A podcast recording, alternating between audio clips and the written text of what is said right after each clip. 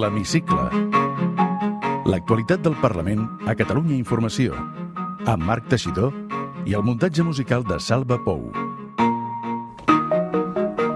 La política recupera el seu curs després d'una setmana, la passada, de trencadisses i retrets. La legislatura està acabada, deia el president Quim Torra, però encara queda marge per aprovar els pressupostos. I, mentrestant, l'activitat parlamentària i política continua. Aquesta setmana ha estat la de la reunió entre el president Torra i el president Sánchez. I el Parlament ha tombat la llei de serveis a les persones, que no arribarà al ple. Un ple que també ha aprovat aquesta setmana que el Parlament recorri al Tribunal Suprem la decisió de la Junta Electoral Central de retirar l'escó a Quim Torra i que ha debatut per fi sobre la corrupció i ha aprovat el decret sobre habitatge habitatge, una modificació de la renda garantida de la ciutadania. En fi, el retorn al debat polític. Tot això mentre la Comissió d'Investigació sobre l'aplicació del 155, després de sentir el testimoni dels membres del govern Puigdemont empresonats, aquesta setmana hi hem conegut el testimoni de Carles Puigdemont i Marta Rovira, aquesta vegada, però, per videoconferència. Benvinguts a l'Hemicicle. L'Hemicicle. L'actualitat del Parlament a Catalunya Informació. A l'hemicicle us explicarem que Quim Torra reuneix amb Pedro Sánchez. Comença un diàleg molt distant i amb la figura del mediador en l'aire. Cau la llei aragonès. Els grups del govern es queden sols i el text no arribarà al ple. Puigdemont i Rovira al Parlament. Intervenen per videoconferència a la Comissió d'Investigació del 155. El ple de la corrupció aprova diverses mesures per lluitar-hi. Entre d'altres, es posa el focus a protegir els alertadors. Modificada la llei de la renda garantida que serà més accessible. I validat també el decret de l'habitatge. I avui ens contestaran una frase al qüestionari de l'hemicicle. Alicia Romero, portaveu adjunta del Partit Socialista de Catalunya al Parlament.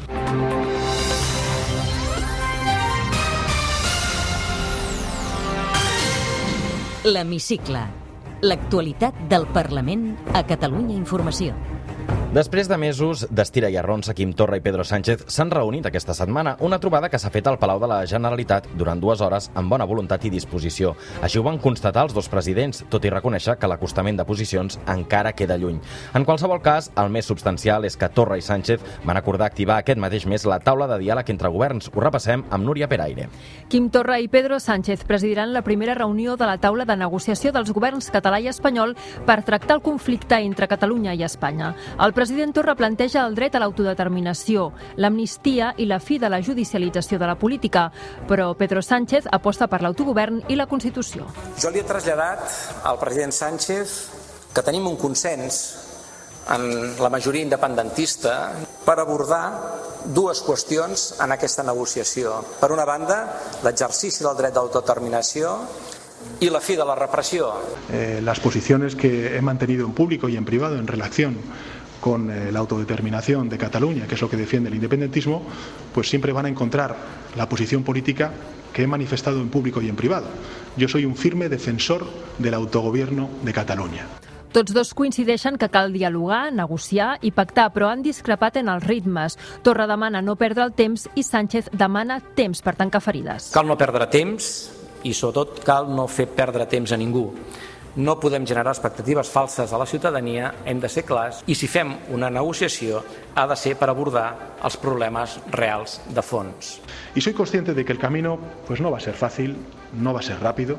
Hay heridas muy profundas como las que se han abierto y que no se cierran así como así. Llevará tiempo, llevará esfuerzo. El conflicte polític centra la majoria del temps de la trobada, però també aborden la situació de l'Ebre, dels aiguats i del Brexit. Des de Palau i des de la Moncloa qualifiquen la trobada de cordial. Ara bé, Torra lamenta que Sánchez no porti cap proposta per abordar el problema d'arrel de Catalunya, la sobirania. Perquè ja fa molt de temps que estem preparats pel diàleg a Catalunya i que la negociació si té voluntat real de resoldre el conflicte, nosaltres no només hi som, sinó que hi hem estat i hi serem sempre. Nosaltres sabem què anem a defensar en aquesta mesa de negociació. El que lamento és que encara avui no sabem quina és la proposta del govern espanyol. Però de la trobada entre els presidents sí que queda clar un dels punts de desacord. Cal un mediador per abordar el diàleg o no? El cap de l'executiu espanyol diu explícitament que no cal, que els mediadors seran els 47 milions de ciutadans de l'Estat. Doncs hores més tard d'aquestes paraules, el Parlament aprova, amb els vots dels tres grups independentistes, una moció reclamant que la futura taula de diàleg entre els governs català i espanyol tingui un mediador internacional. El text destaca que el mediador ha de donar garanties del diàleg i vetllar pel compliment dels acords. Gemma Geis, de Junts per Catalunya, defensa la proposta i Sergi Sabrià d'Esquerra li fa costat, tot i que indica que no ha de ser una línia vermella. Desconfiem d'aquest diàleg perquè volem garanties. Volem garanties perquè som un gat escaldat. Nosaltres entenem que s'ha de dialogar, nosaltres mai ens hem aixecat de la taula de diàleg, però també demanem garanties. És la figura d'un mediador internacional i ens agradaria afegir-hi també un mediador internacional, però tampoc aquesta pot ser l'excusa per deixar de seure, per deixar de parlar i per no continuar. Ciutadans, el PSC i el PP hi voten en contra. Així ho argumenta la socialista Eva Granados. Crec que hi ha hagut un to que estaria bé que poguéssim importar també al Parlament de Catalunya i volia traslladar aquesta reflexió perquè si tots parlem de diàleg i tots parlem de declinar, bueno, hi ha alguns que no, però si parlem de diàleg, doncs potser que superem en aquesta cambra la successió de monòlegs. Els comuns s'abstenen argumentant que posant condicions al diàleg no s'avança. I mentre els pressupostos segueixen el seu curs parlamentari, aquesta setmana han acabat de compareixer tots els consellers i conselleres per explicar les seves partides. Una altra de les lleis que el govern volia aprovar és la dels serveis a les persones, coneguda com la llei Aragonès, però ha quedat en paper mullat perquè l'oposició en bloc la tomba i no arribarà fins al ple de la cambra. No, el dictamen cau a la Comissió d'Economia i Hisenda. Ciutadans, el PSC, els Comuns, la CUP i el PP voten en contra del dictamen i deixen en minoria els socis del govern. El diputat d'Esquerra, Jordi Albert, relator de la llei, es mostrava estava dolgut amb l'oposició. Si volem exercir sobirania, tenim aquí l'oportunitat d'exercir sobirania. Tot això que porto aquí és feina de la ponència, que avui els grups parlamentaris han decidit, en contra de la seva pròpia feina, tirar per terra. La llei Aragonès volia regular els contractes de l'administració amb empreses per prestar serveis a les persones en àmbits com l'educació, la salut i els serveis socials. El govern defensa que era una actualització de la llei espanyola per donar més pes a les empreses petites i especialitzades, mentre que, segons l'oposició i els principals sindicats i entitats socials, la nova normativa obria la porta a la privatització encoberta de prestacions socials bàsiques. La diputada de la CUP, Maria Sirvent celebra el resultat de la votació. I avui és un dia de celebració per a aquelles que defensem els serveis públics. És un dia de celebració sobretot per la plataforma Aturem la llei aragonès, una plataforma conformada per més de 100 entitats que representen usuàries i treballadores del sector dels serveis socials, de l'educació i de la sanitat i que ja fa molt de temps que pateixen aquestes privatitzacions. Els grups de govern, conscients de no tenir majoria, intenten retirar el punt de l'ordre del dia per no abordar la qüestió, però els altres altres grups forcen que es tracti. Nova setmana de compareixences a la Comissió d'Investigació sobre l'aplicació del 155. Si la setmana passada venien al Parlament Junqueras, Turull, Romeva, Forn, Rull i Bassa, aquesta setmana han comparegut per videoconferència l'expresident Carles Puigdemont i la secretària general d'Esquerra Republicana de Catalunya, Marta Rovira. Unes compareixences en què, a banda d'explicar com va afectar el 155 a les institucions catalanes, també aborden l'actualitat. Puigdemont es mostra pessimista sobre el diàleg amb l'Estat, però diu que està disposat a mirar-se diferent al govern de coalició entre el PSOE i Podem Podem. El senyor Pedro Sánchez, eh, que ara és el primer ministre, eh, estava en el 155 i estava a la cuina del 155. Però li admeto que avui hi ha un govern espanyol que no havia existit mai en democràcia espanyola. És un govern de coalició i per tant aquest sol fet, aquesta sola novetat crec que val la pena que hi dediquem eh, una mica de una mirada diferent de la que dirigiríem naturalment a un govern del senyor Rajoy. En aquest sentit, Puigdemont apunta a una possible mediació internacional perquè la taula de diàleg entre governs obtingui fruit. Des de Ginebra, Marta Rovira creu que no es podrà abordar el diàleg amb l'Estat de manera real si no s'abandona la repressió i portes endins de l'independentisme fa un toc d'alerta. Ja seria òptim que abans de parlar poguéssim trucar al company o companya de moviment o es convoquessin reunions o ens asseiéssim a parlar. Un segon exercici que crec que ens convé és identificar constantment l'adversari. I abans d'assenyalar l'independentista que tenim al nostre costat sense haver-hi ni tan sols parlat, cal que no perdem el nord, que no ens confonguem d'adversari, si us plau.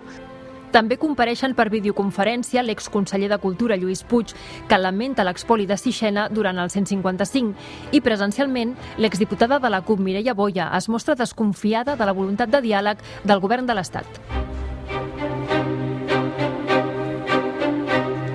I tornem ara aquí a l'hemicicle, al ple que s'ha celebrat aquesta setmana. Els diputats i les diputades han hagut de decidir si el Parlament havia de recórrer o no la decisió de la Junta Electoral Central en què retirava l'escó de Quim Torra, una decisió, per cert, posteriorment avalada pel Tribunal Suprem un tràmit que acaba validat. I voten a favor Junts per Catalunya, Esquerra, Catalunya en Comú Podem i la CUP. El PSC s'hi absté, mentre que Ciutadans i el PP hi voten en contra. Ciutadans utilitza el to més agre quan assegura que Quim Torra ja està inhabilitat i posa en dubte la validesa d'unes eleccions convocades per ell, un discurs que el PP reforça. Junts per Catalunya, Esquerra, els Comuns i la CUP defensen que és la ciutadania, amb els seus vots, qui decideix qui presideix la Generalitat, no els tribunals. Així en parlaven Carlos Carrizosa, de Ciutadans i Josep Costa de Junts. Suerte que todavía no es la republiqueta de Puigdemont y estamos los de Ciudadanos para defender la democracia. No són per defensar el president Torra, són per defensar les institucions d'aquest país, són per defensar el reglament d'aquest Parlament i la sobirania d'aquest Parlament. El PSC, igual que la CUP, reconeixen Torra, però reclamen que es convoquin eleccions immediates, mentre que els comuns volen que es facin un cop aprovats els comptes. I encara quatre punts més del ple d'aquesta setmana. El primer, aprovada la modificació de la renda garantida de ciutadania per fer-la més accessible. A partir d'ara, per accedir a la prestació, només s'hauran d'acreditar dos mesos en lloc de sis, sense ingressos suficients. Aquesta era una proposta de tots els grups de l'oposició, excepte el PP. Els grups del govern hi han acabat votant a favor, tot i lamentar les presses de l'oposició. Així defensaven la seva posició Marta Ribas, dels Comuns, i Ruth Ribas, d'Esquerra. És que és excessivament llarg, és cert, per les persones que es troben en situació de vulnerabilitat haver d'estar en aquestes circumstàncies de màxima vulnerabilitat durant almenys sis mesos. I és obvi que ens voldríem trobar en termes de màxims, però malauradament cal fer l'exercici de realisme i ser realistes i tenir en compte les limitacions la modificació també preveu que les ajudes de familiars no siguin excloents per accedir a la prestació. El segon apunt, llum verda al decret per facilitar l'accés a l'habitatge. S'aprova amb els vots de Junts per Catalunya, Esquerra, els Comuns i la CUP. El grup PSC Units s'hi absté, mentre que Ciutadans i el PP hi voten en contra. El conseller de Territori i Sostenibilitat, Damià Calvet, defensa el decret que els reptes són grans i que requereixen respostes fermes, respostes eh, transversals que afectin els múltiples àmbits que interactuen en matèria d'habitatge. Les polítiques d'habitatge eh, són d'una gran complexitat. La nostra resposta des del govern pretén ser això, ferma i transversal, urgent davant l'emergència. Entre d'altres, el decret preveu l'establiment d'un lloguer social obligatori per a aquelles persones que acreditin una situació de vulnerabilitat i se'ls acabi el contracte de lloguer o es trobin en processos de desnonaments. També expropiar els grans tenidors de pisos desocupats durant més de dos anys, amb un preu un 50% inferior, i estableix un únic preu de compra i lloguer social a tots els municipis de l'àrea metropolitana. D'aquesta manera, per exemple, un lloguer social a Sant Cugat tindrà el mateix import que un a Ciutat Vella. Més, el tercer punt, declaració del Parlament sobre les conseqüències del temporal Glòria. La cambra mostra el seu condol als familiars de les víctimes dels recents aiguats del temporal Glòria en una declaració institucional sobre les conseqüències del temporal que va afectar bona part de Catalunya, des de l'Empordà fins a les Terres de l'Ebre i especialment zones de costa i lleres de rius. David Pérez, secretari segon del Parlament, llegia la declaració. El Parlament de Catalunya reconeix la professionalitat de tots els servidors públics i de tots els qui, a títol individual o des dels ajuntaments, han col·laborat i continuen col·laborant amb les tasques de recuperació de la normalitat. El Parlament de Catalunya expressa el seu compromís amb la recuperació del territori i amb l'acompliment de les accions necessàries. I per acabar, el ple monogràfic de la corrupció acaba amb el compromís d'emprendre mesures per lluitar-hi. Entre les mesures aprovades hi ha la creació del Pacte Nacional contra la Corrupció, així com també agilitzar els tràmits per crear una proposició de llei que garanteixi la seguretat i l'anonimat d'aquells ciutadans que destapin casos de corrupció, és a dir, els alertadors. Miguel Ángel Jimeno, director de l'Oficina Antifrau, ho resumia així. Si decideix complir amb el seu deure cívic, eh, tindrà Eh, garanties raonables de que no perdrà la seva qualitat de vida, la seva manera, el seu estatus de vida, eh, que no patirà represàlies, poder sigui més explícit. El ple rebutja la proposta de Ciutadans que reclamava que l'expresident Pujol reintegrés a l'erari públic les quantitats defraudades. Tots els grups hi voten en contra, excepte Ciutadans i el PP.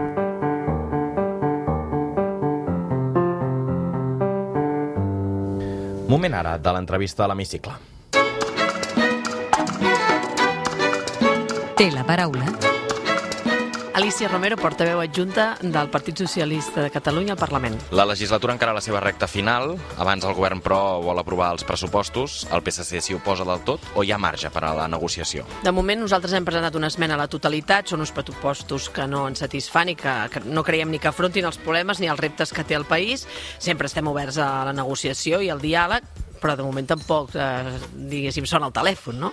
Per tant, el que demana que es negociï o que es recolzin també hauria de fer el gest per intentar doncs, eh, escoltar què vol l'altre, com a mínim perquè es millorin i poder tenir un acostament. Què podrien incloure aquests pressupostos perquè el PSC s'hi obri una mica? La veritat és que no és fàcil. Primer perquè ells porten, han estat 5 o 6 mesos de negociació amb els comuns i per tant han fet una feina no, important, suposo, de priorització i de recerca de més ingressos i per tant en aquí doncs, es sembla complicat intentant anar a buscar altres, altres ingressos, sobretot perquè una cosa que nosaltres li retraiem al govern és que s'ha passat 3 anys sense fer pressupostos i que una part de la reforma fiscal que planteja avui la podia haver plantejat el 2018 i avui en comptes de tenir 170 tindríem 550 milions d'euros més per gastar i, i per tant, doncs, bueno, diguéssim que té poca solució, no? Però en tot cas, oberts a parlar per veure si s'incorpora algun aspecte lligat doncs, a, a, a l'àmbit social, que hi ha moltes partides, eh, per exemple, en pobresa infantil no hi ha ni un euro de més, no? Doncs, per exemple, aquesta seria una prioritat per nosaltres. No podem tenir un país que diem pròsper,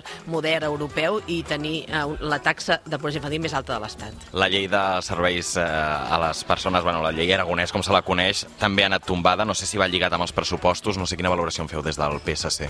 No, no va lligada als pressupostos. Nosaltres vam prendre la decisió de no recolzar-la eh, finalment a principis de gener, abans de saber que el president Torra convocaria eleccions, i vam prendre aquesta decisió després de fer una feina important en ponència, d'estar treballant per millorar aquesta llei, que ens va semblar molt deficitària eh, des dels inicis, però és cert que malgrat que se'ns havien acceptat algunes esmenes i que alguns articles havien millorat, no ens satisfeia del tot i per tant un quan ha de votar una llei ha d'estar content eh, en el conjunt dels resultats i no ho estàvem. I per tant, igual que vam fer en el seu moment amb el Codi Tributari, que hi vam treballar però hi vam votar en contra, doncs en aquest hem fet el mateix. I també creiem que en aquí un govern que parla molt de diàleg doncs no ha sigut capaç de dialogar, acordar i pactar perquè aquesta llei s'aprovés, ja que no té majoria parlamentària, per tant necessita segur d'altres suports. Aquesta setmana s'han reunit Pedro Sánchez i Quim Torra després de mesos d'estira i arronsa. Quina valoració en fa? Jo crec que aquesta reunió és important. Jo crec que és el fet de que dues persones seguin i parlin, una cosa tan senzilla, eh, doncs jo crec que en aquest cas ha estat important. Feia molt temps, és veritat que hi havia hagut la trobada de Pedralbes, però feia anys no? que no hi havia aquesta, aquesta reunió de confiança no? honesta entre dos presidents de l'Estat i, i, i català, i crec que molts catalans també volien veure no? com dos presidents doncs, de manera normal seuen i parlen. Que després serem capaços de trobar acords, eh, que serem capaços doncs, d'avançar doncs, en alguns aspectes. Nosaltres creiem que sí, més o menys podrem anar avançant i el president eh, Sánchez quan ha sortit ha parlat doncs, de, de deutes que té l'Estat amb la Generalitat, com Mossos, com la tercera disposició de l'Estatut, eh, que vol dir més infraestructures per Catalunya i estic segura que avançarem. Ara, hi ha d'haver una voluntat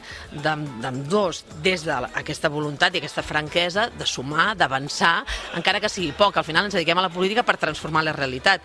Ningú diu que s'hagi de canviar tot en un dia, no? però és veritat que a poc a poc doncs, podem anar-ho anar fent. Eleccions al Parlament de Catalunya, com les afronta el PSC? Bueno, jo crec que il·lusionats, perquè bueno, nosaltres, el PSC és un partit que li agrada les eleccions, en general, eh, ens agrada explicar el nostre projecte, ens agrada trobar-nos amb la gent i poder doncs, compartir no? també situacions i, i, i somnis i problemes amb, amb, amb tothom, i en aquest sentit doncs, creiem bueno, que tenim una certa perspectiva de, de millorar la, la posició i per què no també, doncs, escolta'm, somiant que és gratis, diguéssim, doncs pensar que per què no serem els primers en arribar. Nosaltres creiem que cal girar el full, que cal un nou rumb per Catalunya i em sembla que Miquel Iceta és el que millor podria liderar aquest canvi. Quin paper ha de jugar el PSC en aquestes eleccions? PP i Ciutadans volen una candidatura conjunta i és possible un tripartit passades les eleccions? Nosaltres no, no tenim massa fe amb, amb Ciutadans en el sentit que és un partit que des que va néixer quasi bé està pel frontisme, no? pel conflicte i no per trobar solucions. I nosaltres intentarem sempre estar en la solució i no en el problema. Aquesta és una. I sobretot si després després va eh, conjuntament amb el Partit Popular, que és un partit de dretes amb el que no compartim res. Bàsicament, a més, ells han triat un aliat, que és Vox, per tant, no, escolti'm, que, que el busquin, no? I, no? I no nosaltres.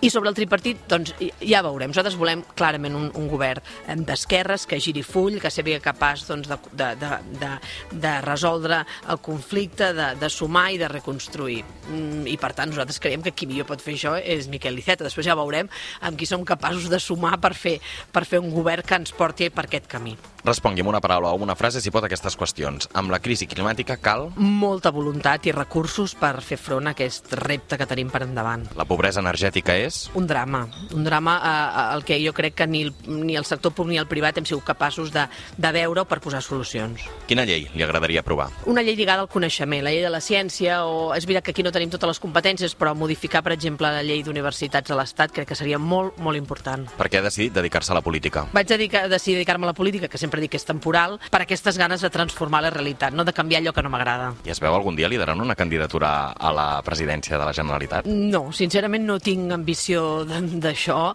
i sempre he dit que m'agrada estar en un lloc en el que tinc possibilitats d'aportar i de construir, més enllà d'exactament el càrrec. De fet, no m'agradaria estar massa amunt, crec que hi ha, no per la responsabilitat, sinó perquè crec que la vida són altres coses, i és veritat que qui està allà són 24 hores al dia, 7 dies a la setmana, i jo, un moment determinat de la meva vida, ja vaig decidir que ho havia fet i que ara ja em tocava altres coses. Quan deixi la política, a què es dedicarà? Doncs a mi m'agrada molt la gestió pública, público-privada, que és el que m'he dedicat també a les èpoques que no he estat en política, i m'agradaria, si puc això, en l'àmbit de la universitat i el coneixement, doncs seria fantàstic. Fa autocrítica? Sí, molta. Buf, sóc una neures amb això i he fet molta teràpia i constantment estic intentant millorar, ser millor i, i intentar tapar una mica aquelles coses que no m'agraden. Té una vocació frustrada? Sí, m'hagués encantat ser actriu, sí, sí. Mútua o salut pública? Jo sóc molt de la salut pública, és veritat que està en moments molt baixos, eh, però hem de recolzar-la. Pis de lloguer o propietat? He viscut de lloguer i, i en propietat, eh, i ara estic en propietat, però he, he viscut les dues coses. Una música que l'identifiqui? M'agrada molta música, música clàssica, el jazz, els cantautors... La veritat és que amb això soc bastant eclèctica. Un paisatge favorit? El mar. Quin estil literari li és més agraït per llegir? La novel·la de ficció. Amb què es posa contenta? On veig les meves filles. I què li fa por? No em fa por res. Diguéssim així, por, por, por, temor, jo diria que res, no? Jo crec que tots hem de tenir un cert respecte, algunes coses ens preocupen, però por, por, jo diria que en aquests moments no. He superat algunes pors i per tant crec que ara puc dir que no en tinc. Amb quin diputat o diputada d'un altre partit té pendent fer un cafè? Tinc pendent un sopar amb el Sergi Sabrià que va dir en, aquests, en aquest micro que havia de fer un sopar amb mi, així que el tenim pendent a veure si el fem algun dia i també no, millorem aquesta relació avui una mica tensa entre Esquerra i el PSC. Completi la frase. El que més m'agradaria? Poder viure, llegir, passejar, anar al cinema, estar amb les meves filles, els meus amics i ser feliç. Moltes gràcies. Gràcies a vosaltres. Podeu tornar a escoltar l'Hemicicle al web catradio.cat barra hemicicle o al podcast del programa i seguir l'actualitat del Parlament al perfil de Twitter arroba L-hemicicle.